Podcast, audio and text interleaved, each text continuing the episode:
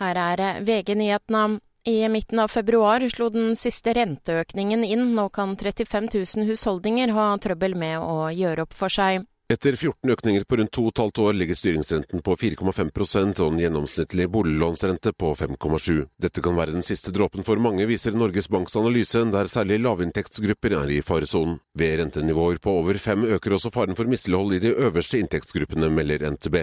Reportere Frode Sti. Amerikanske velgere flest er skeptiske til både president Joe Biden og utfordreren Donald Trump. Begge er mentalt uskikket, mener velgerne ifølge en måling i New York Daily News. 49 gir likevel sin støtte til Biden som president, mens 45% støtter Trump. En kvinne er arrestert etter å ha utøvd vold mot to ansatte på et utested i Midtbyen i Trondheim i natt. Kvinnen er godt kjent av politiet fra før og blir anmeldt for vold og ordensforstyrrelse.